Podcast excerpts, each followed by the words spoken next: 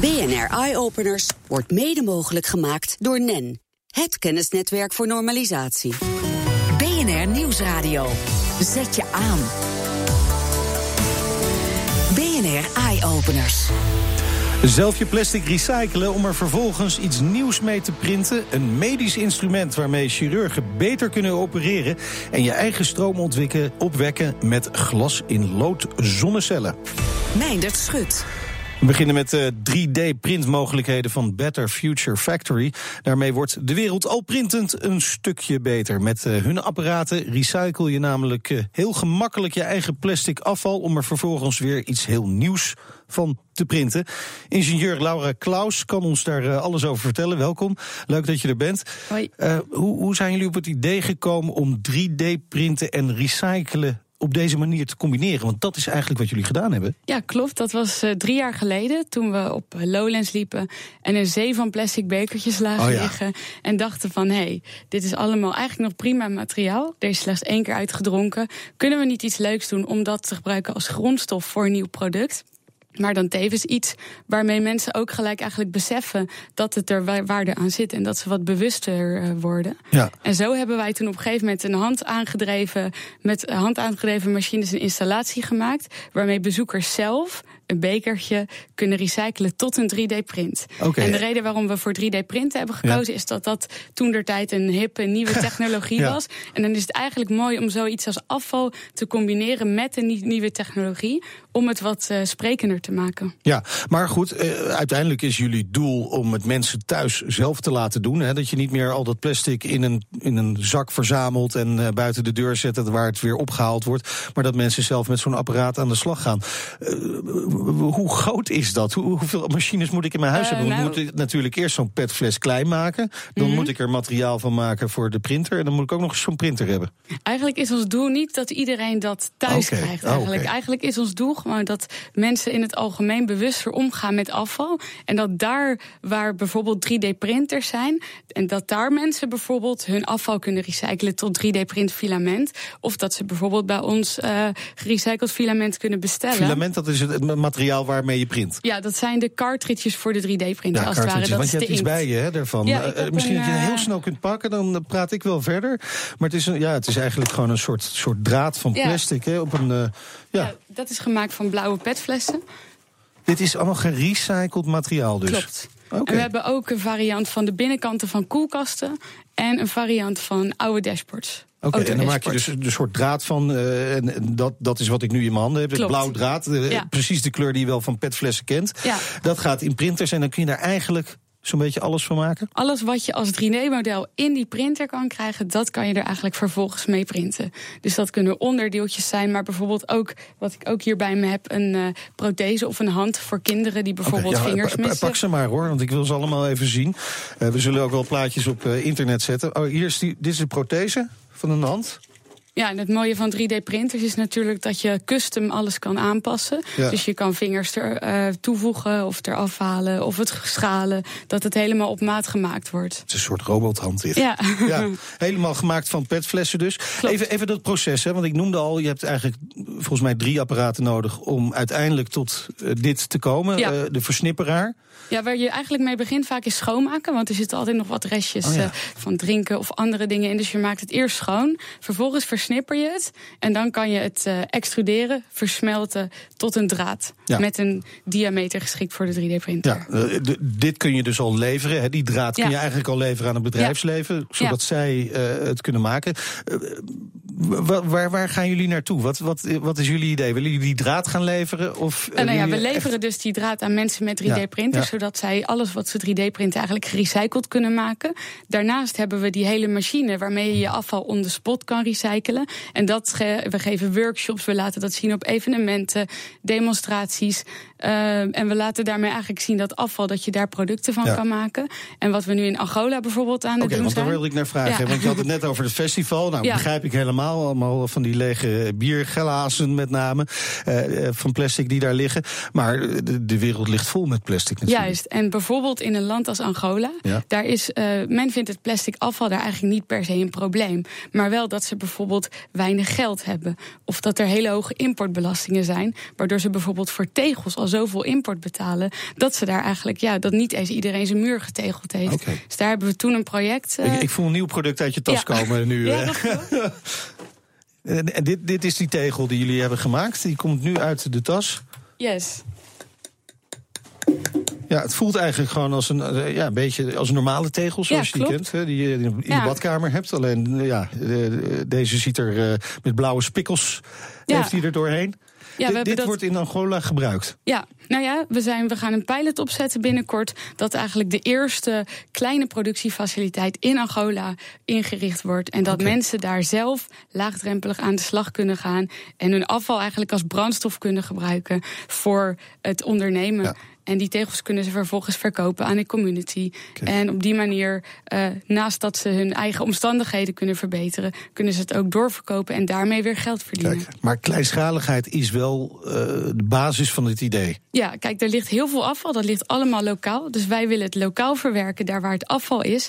En opschalen kan door meer kleine machientjes te brengen naar de plekken waar mensen er behoefte aan hebben. En hoe ver zijn jullie daarmee met die tegels? Uh, nou ja, we hebben de machines werkend. Ja. Uh, dus we gaan voor de zomer naar Angola om die eerste pilot te doen. Okay. Want wij willen echt dat het aansluit bij de behoeftes van de gebruikers. En dan gaan we eens kijken wat we daar allemaal tegenkomen. Ja. Nou, uh, weet ik niet precies hoeveel afvalplastic er in de wereld uh, te vinden is. Ik zag wel dat er per jaar bijna 13 ton plastic de oceaan in verdwijnt. Ja, die, die, die plastic soep. Uh, eigenlijk is het een enorme berg grondstof die ja.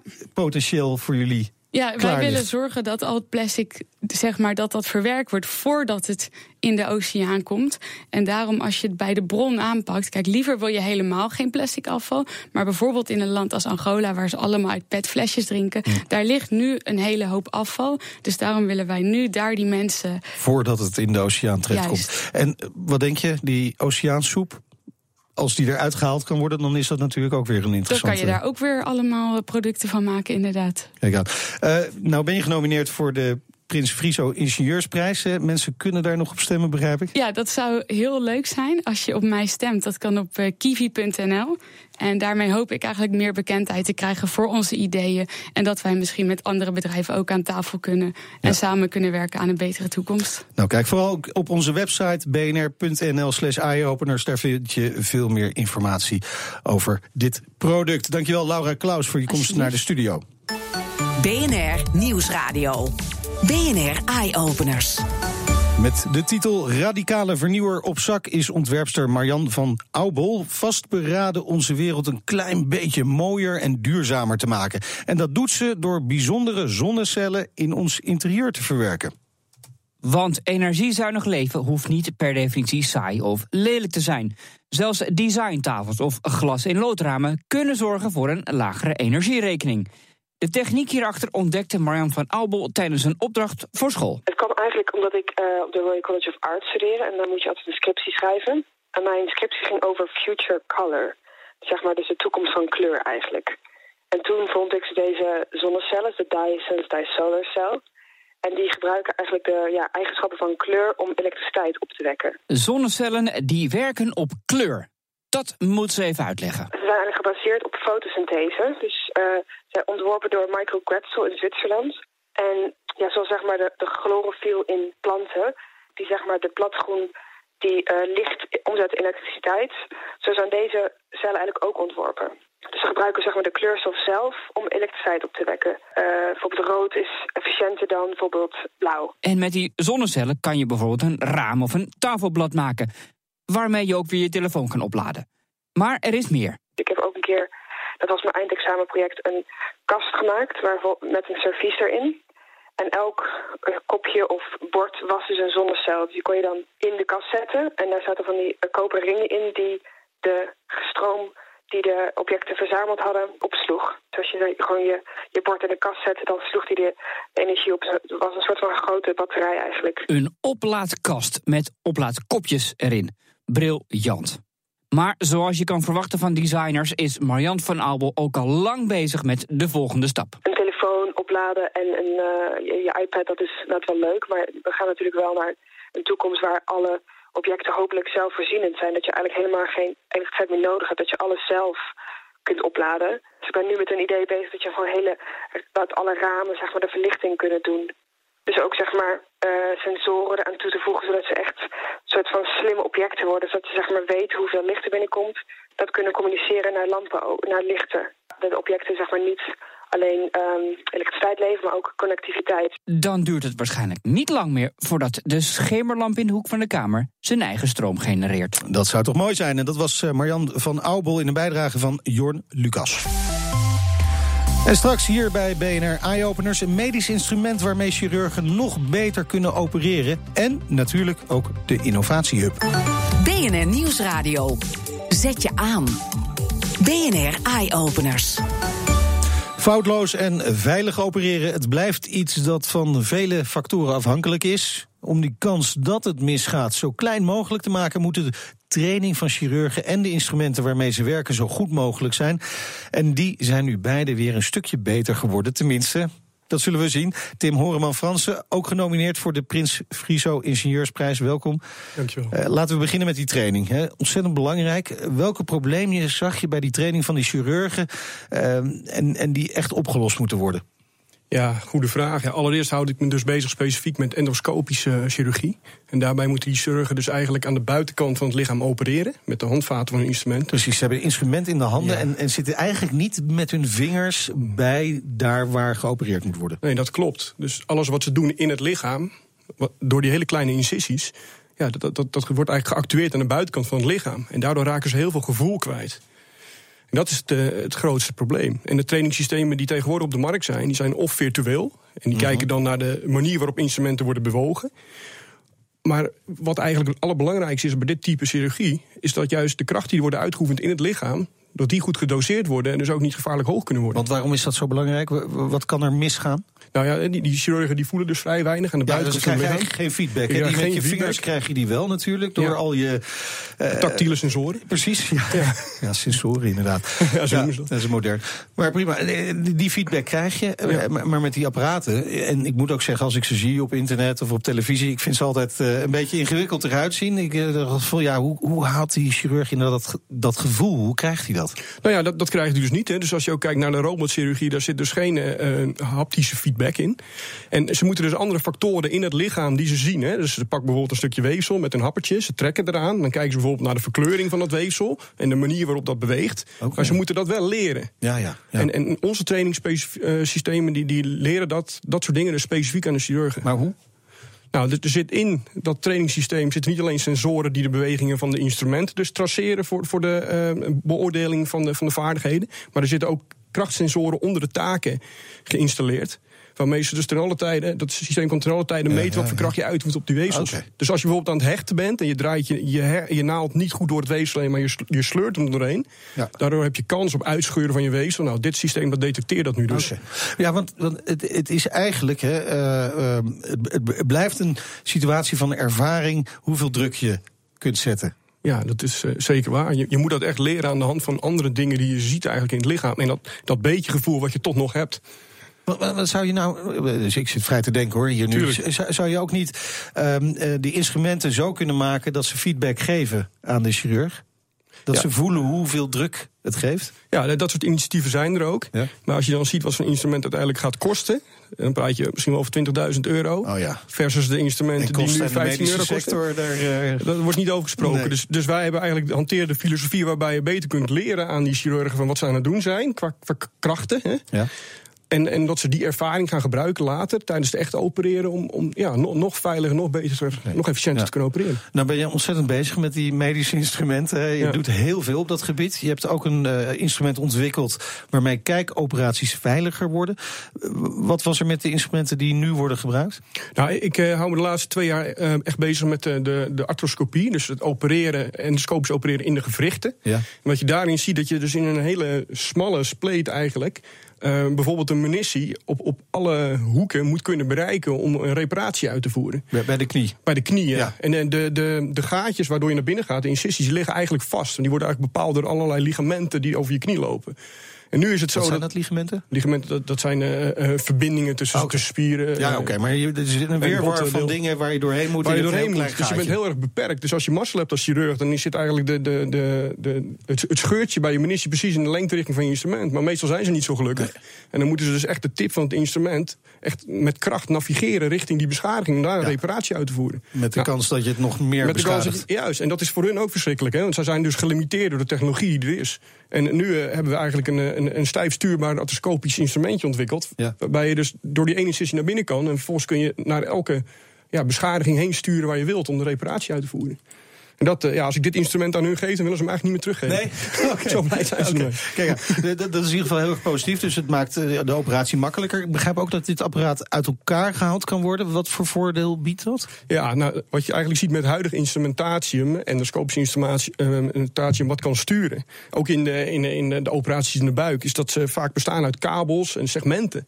En daardoor kunnen ze niet schoongemaakt worden. Nou, Dat betekent eigenlijk dat er per jaar 50 miljoen instrumenten weg worden gegooid. 50 miljoen. 50 miljoen, ja. En, en dan even de vraag, wat kost zo'n instrument gemiddeld? Ja, dat zit, eh, de disposable zit rond 120 eh, euro. 120 keer 50 enorme, Ja, dat zijn leuke bedragen. Ja. ja, en als je dan de instrumentatie door middel van ja, nieuwe, unieke uh, inzichten dus deelbaar kunt maken en schoon kan maken. Ja, dat is natuurlijk een groot voordeel voor eigenlijk alle partijen. Kijk, ik zei al, je bent met ontzettend veel dingen bezig. Waar, waar ben je op dit moment mee bezig? Wat is in de ontwikkeling? Nou, ik ben uh, op dit moment met een uh, paar andere partijen, eentje uit IJsland, Reontech, en een partij uit Amerika, Milton Medical, bezig om een speciale set van uh, endoscopische instrumenten te ontwikkelen voor opereren op kinderen. Want, want, ziet, want, dat is heel anders dan bij volwassenen? Nou, het is niet heel anders, maar wat je eigenlijk ziet is dat instrumentatie eigenlijk wordt ontwikkeld voor de conventionele laparoscopie, dus voor volwassenen. Terwijl die kinderen nog wekere weefsels hebben. Het is allemaal nog dunner, vooral die, die darmtjes en zo. En eigenlijk wil je dan instrumenten hebben waarmee je dus eigenlijk heel goed voelt wat je aan het doen bent. Okay. Dus zit er een uniek nieuwe inzicht in om dat toch mogelijk te maken. En het wordt ook nog veel goedkoper, dus dat is ook wel leuk revoluties in de medische wereld. Daar staan we voor. Daar staan jullie voor. Uh, heel veel succes daarmee. Stemmen op Tim Horeman Fransen als ingenieur van het jaar kan dus ook nog uh, tot en met zondag. Dank voor je komst naar de studio. En op bnr.nl slash eyeopeners vind je ook nog het verhaal van Rutger de Graaf van Dinter. Hij is de derde finalist. Hij houdt zich uh, bezig met het maken van drijvende steden en onderwaterdrones. Hij was onlangs de gast bij het programma BNR Bouwmeesters. je kunt bij ons op de website even naar dat verhaal gaan kijken. Zeker de moeite waard om uh, dat allemaal even te lezen en te gaan bekijken. Ja, wat doet de rest van de wereld op innovatiegebied? Wat uh, zijn de trends in het buitenland? Deze week vragen we het aan innovatieadviseur Ilko van der Eyck in Berlijn. De Innovatiehub. Wat speelt er allemaal bij jou? Nou, ik wil het vandaag hebben over um, onderzoek van het um, Fraunhofer Instituut voor uh, Materiaalvloes en Logistiek in Dortmund. Over zeg maar intelligente dozen. Je kan dan denken aan uh, zeg maar, luchtvaartcontainers. Maar je kan ook denken aan ja, zeg maar, gewoon opbergdozen die in industriële voorraadhallen staan. En die gewoon in de hele industrie worden, worden gebruikt. Fraunhofer gaat erbij uit van een, een, zeg maar, visie op die doos. En het beeld is eigenlijk een beetje dat dat die doos ja, vol zit met uh, sensors en chips. Waarmee die um, doos als het ware actief kan, kan uitzenden waar die is. Allerlei omgevingsinformatie kan opslaan. Hè. Dan kan je bijvoorbeeld denken aan vochtigheid, temperatuur, schokken. En dat um, die doos ook als het ware beslissingen kan nemen. Over bijvoorbeeld wanneer hij moet worden opgehaald. of weggebracht of moet worden bijgevuld. Hè. Uh, er zijn op dit moment al dozen op de markt die als het ware camerasystemen in zich hebben. Die kunnen registreren of die doos bijvoorbeeld dreigt leeg te raken. En dan zelf een signaal afgeeft zeg naar de bestelafdeling om bijvoorbeeld ja, extra schroeven te bestellen. En wat zijn de uitdagingen? Ja, dat heel voorstelbaar is, maar dat neemt het niet weg dat er nog wel een aantal problemen zijn. En dat bleek bijvoorbeeld ook in een van de vele onderzoeken die Fraunhofer heeft gedaan. Dat was een onderzoek naar luchtvaartcontainers. Dat waren twee grote problemen en er kwam op, op een gegeven moment ook nog eentje bij. Het ene probleem was natuurlijk dat uh, ja, een, een sensor uh, die, die ook automatisch signalen afgeeft, uh, tijdens het vliegen natuurlijk niet kon. Hè? Dus, dus ze moesten een systeem verzinnen waarbij die luchtvaartcontainer zich als het ware zelfstandig uitschakelde tijdens het vliegen. Dat is wel gelukt. Punt 2, en dat lijkt me ook voor dat soort ja, zeg maar, logistieke systemen in de zeg maar, retail een, een punt. Hoe kan je luchtvaartcontainers als het ware energie-autark maken? Als je om een paar weken de batterij moet veranderen, is dat toch een vrij kostbare zaak. dus ze hebben onderzoek gedaan of bijvoorbeeld ja, die sensors zichzelf konden opladen. Met solarcellen bijvoorbeeld. Of, of je bijvoorbeeld temperatuurverschillen of trilbewegingen kon gebruiken om energie eh, op te laden. Nou, dat is eigenlijk niet zo goed gelukt. Hè? Dus ook bijvoorbeeld zonnecellen die er echt als beste uitkwamen. Die leveren toch eigenlijk onvoldoende energie uh, op. En dat was uh, Ilko van der Eijk, innovatie-attaché in Berlijn voor het ministerie van Economische Zaken. Op bnr.nl slash eyeopeners vind je natuurlijk alle filmpjes en informatie over de gasten van vandaag. Maar je vindt er ook informatie over het innovatie-attaché-netwerk en andere innovaties met impact. Tot zover deze uitzending. Op Twitter vind je ons via BNR. Heb je nou zelf iets leuks gezien of bedacht? Stuur dan een mail naar eyeopeners.bnr.nl. Tot volgende week. Terugluisteren? Ook dit programma vind je terug in de BNR-app. BNR Eye Openers wordt mede mogelijk gemaakt door NEN, het kennisnetwerk voor normalisatie.